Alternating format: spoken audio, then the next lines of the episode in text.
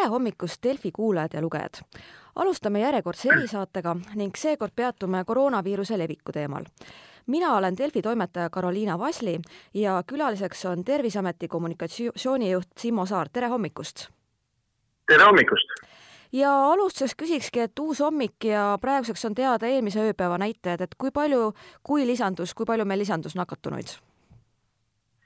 Äh, jah, ma sooviksin siinkohal kindlasti alustada sellega, et, et saaksin öelda, et nakatunuid ei olnud üldse või oli üks-kaks, aga paraku nüüd just saabusid värsked kahekümne nelja tunni tulemused ja me näeme, et kokku on siis üheksa ähm, koroonapositiivset. Neist on kolm Harjumaal, kaks Ida-Viru maakonnas, üks Järvamaal ja kolm tükki on siis tuvastatud Tartumaal ja kas ka praegu saab juba välja tuua, et need kaks kollet, mis meil oli, üks oli Ida-Virumaal Jõhvis ja teine on niinimetatud Tartu seiklejaga seotud, et kui palju nendega seoses tuli juurde? no seda siit statistikast praegu välja ei loe, et seda peab ikkagi näitama epidemioloogiline uuring ja seda tuleb nüüd vaadata natuke detailsemalt, et need on lihtsalt praegu tänased numbrid, mille, mille aluseks on siis rahvastikuregistris olev inimese elukoht, et eh, noh, raske öelda, kas nad on nende kolletega seotud või mitte. aga no tõenäosus loomulikult on, jah üheksa, kas see on juba selline murettekitav number või me peame ikkagi ju ka laiemat pilti vaatama, et? no kindlasti mis tahes selline tõus on, on murettekitav, et ega siis, et ega siis, kui me näeme, siis siin viimaste päevade jooksul on ikkagi näha selline kerge haigestumise kasvutrend. see nüüd kõik sõltubki edasine sellest, et eh, kas need on omavahel seotud juhud, eh, kas siin suudetakse kõik kontaktsed tuvastada, eh, kas need kontaktsed peavad kinni nii-öelda sellest distsipliinist ja, ja, ja püsivad ilusti isolatsioonis ega ei lähe kuhugi seiklema ööklubisse või, või, või, või kaubanduskeskusesse, et see tegelikult edasine sõltub väga paljuski sellest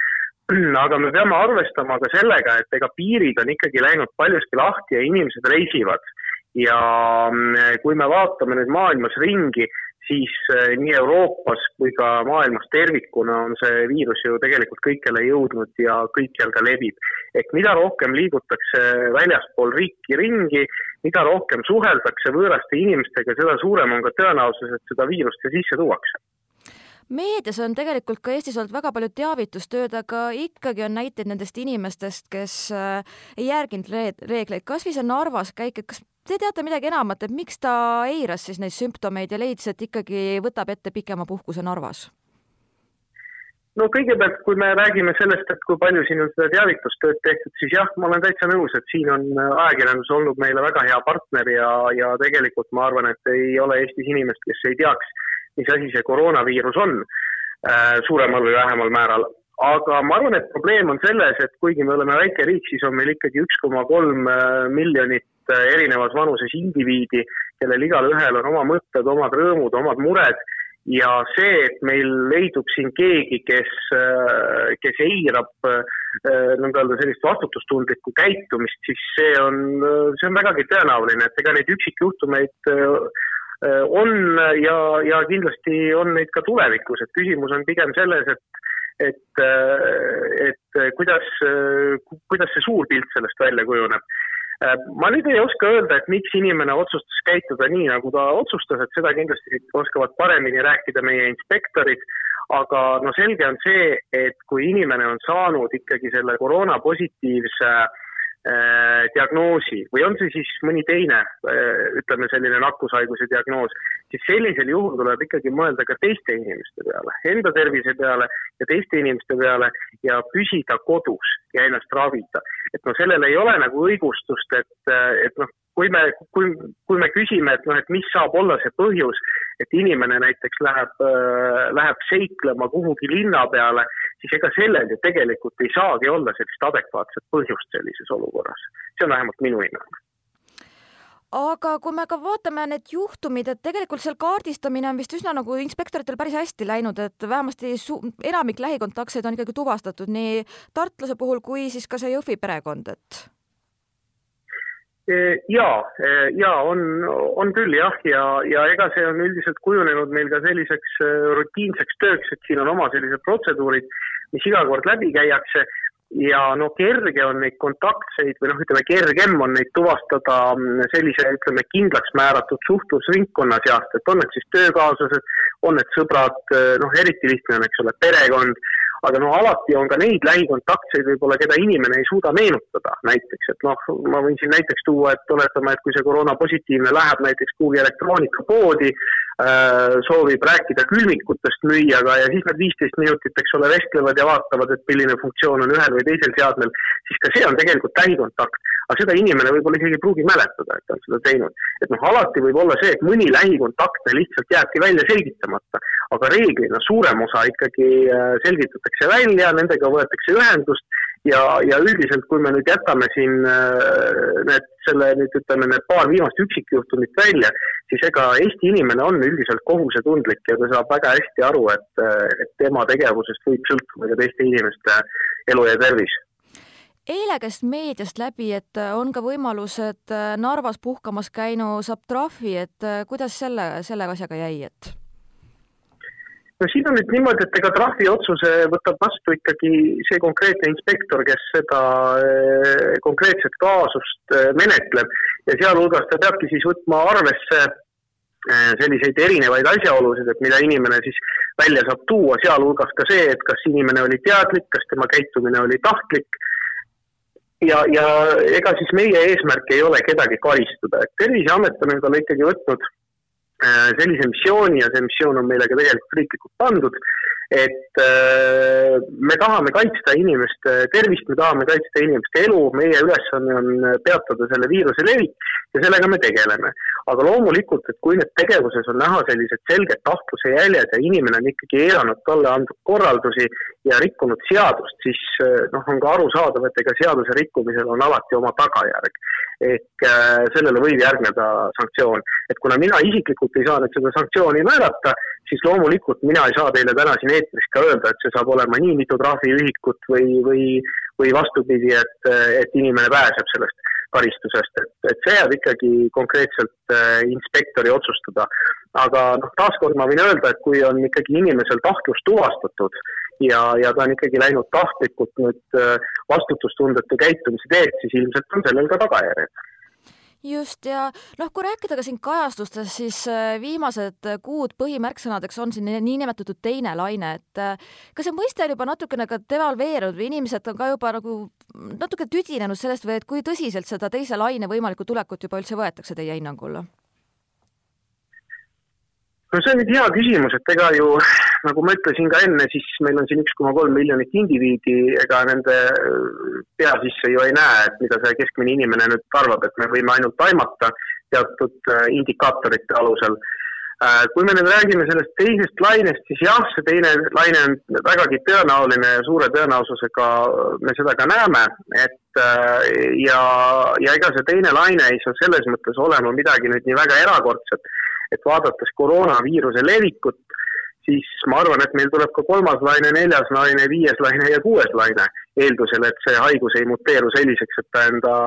enda leviku peatab, sest äh, vaadates grippi, siis gripil on olnud nii palju erinevaid laineid juba ja, ja igal aastal on meil gripihooaeg, et me tegelikult enam seda ka ei loe. Äh, küsimus nüüd, et miks nüüd see teine laine ja esimene laine on näiteks ohtlikumad kui seal võib-olla viies või kuues tulevikus, siis äh, asi on selles, et koroonaviiruse puhul ei ole praegu veel viirusepõhist ravi. et kui me räägime näiteks gripist, siis gripil on olemas enda ravim, mis siis konkreetselt tegeleb selle viirusega. koroonaviiruse puhul on nii, et kuigi seal suurem osa juhte on seal kerged, see on seal üle kaheksakümne protsendi möödub, möödub, eks ole, kergelt, võib isegi ka asümptomaatiliselt, et inimesel ei tekigi seal sümptomeid, siis raskemate juhtude puhul on, on niimoodi, et ega seda viirust nagu mõjutada tegelikult äh, tänapäeva meditsiin ei saa, et jah, saab tõesti ravida neid sümptomeid, äh, saab, saab tegeleda siis nende tüsistustega, mis siis sellest äh, haigusest tulevad, aga tegelikult selle, selle viirusega ise organismis praegu väga me tegeleda ei saa. ja see tähendab ka seda, et näiteks võrreldes gripihaigega rasketel juhtudel Äh, jääb see inimese elu rohkem siis kas jumala või saatuse hooleks, et kes millist terminit äh, eelistab. ja loomulikult on näiteks gripi puhul, nagu ka väga paljude nakkushaiguste puhul, olemas vaktsiin. aga täna on ikkagi see, et koroonaviiruse suhtes äh, sellesama selle Covid-19 nakkushaiguse suhtes ei saa me riskirühmasid vaktsineerida, sellepärast et toimivat vaktsiini ei ole nii et kui tulevikus see vaktsiin saab olemas olema ja, ja on olemas ka näiteks ravim, mis konkreetselt suudab seda viirust organismis mõjutada, eh, siis me, siis kindlasti inimkond suhtub ka sellesse viirusesse hoopis teistmoodi. aga tänane probleem eelkõige seisnebki selles, et eh, ei ole seda toimivat ravimat eh, ja ei ole vaktsiini aga ilmselt, no me veel ei tea, et kas ja mis kujul, kuidas meil viirus siin sügisel on, aga ilmselt terve riigi sulgemist pigem ka Terviseameti soovitud, võib-olla piirkondlikult, siin meil on kas või naaberriigist Lätist praegu kõrvalkogemused, nemad ühelt piirkonnas, kus natuke lõi lokkama, et seal jälle kehtestati eriolukorra reeglid. No siin on nüüd, siin on nüüd nii, et ega meie saame rääkida sellest, et mis on nüüd nakkusennetuse seisukohalt äh, tõhus et meie, meie saame eelkõige teha selleteemalisi ettepanekuid, et riigi sulgemine, et on see nüüd põhjendatud või mitte, see peab olema ikkagi juba kõrgema tasandi otsus.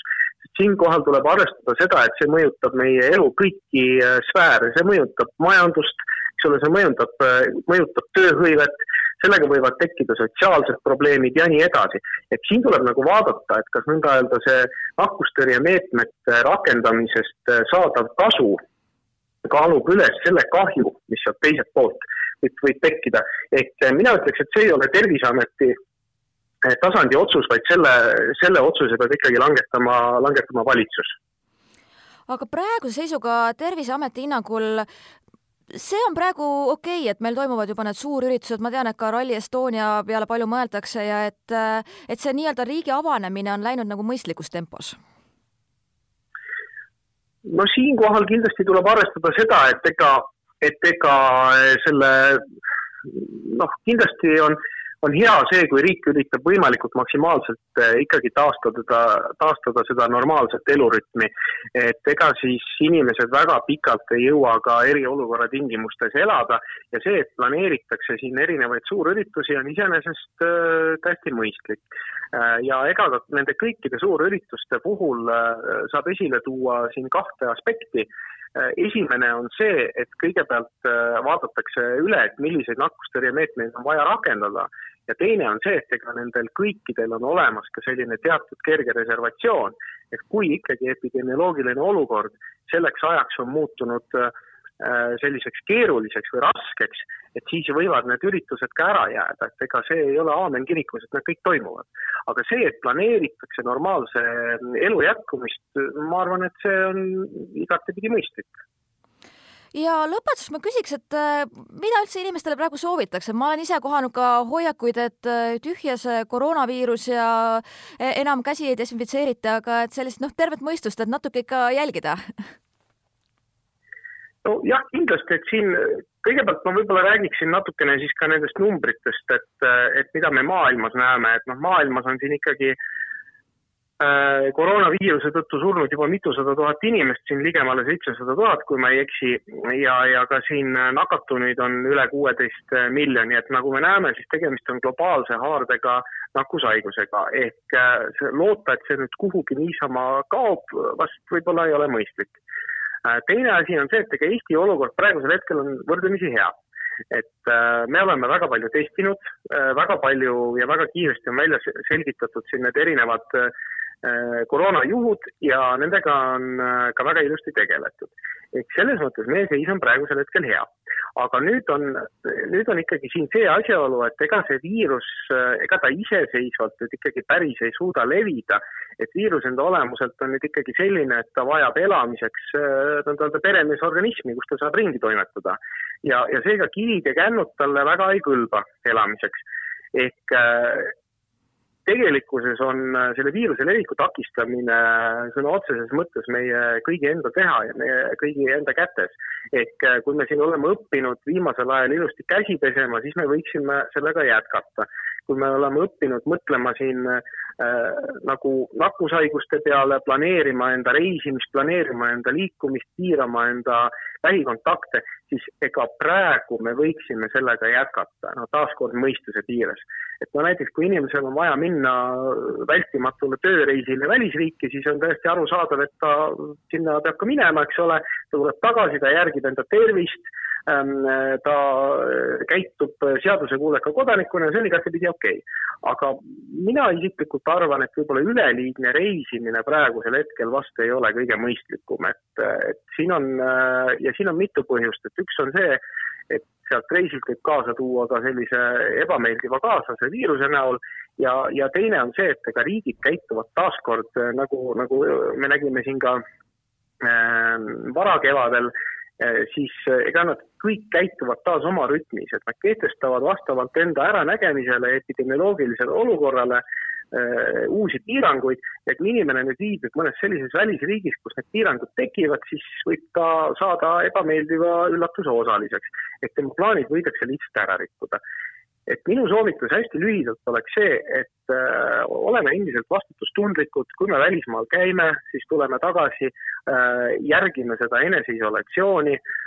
piirame neid selliseid üleliigseid äh, lähikontakte võõraste inimestega ja, ja peame ikkagi meeles, et äh, kõik need hügieenireeglid, mis meile siin vahepeal nii armsaks said, et need võiksid olla armsad meil ka täiesti igapäevases elus. sest äh, taaskord, ega Covid-19 ei ole ainus nakkushaigus maailmas. et, äh, et ega siis mustade kätega on võimalik saada endale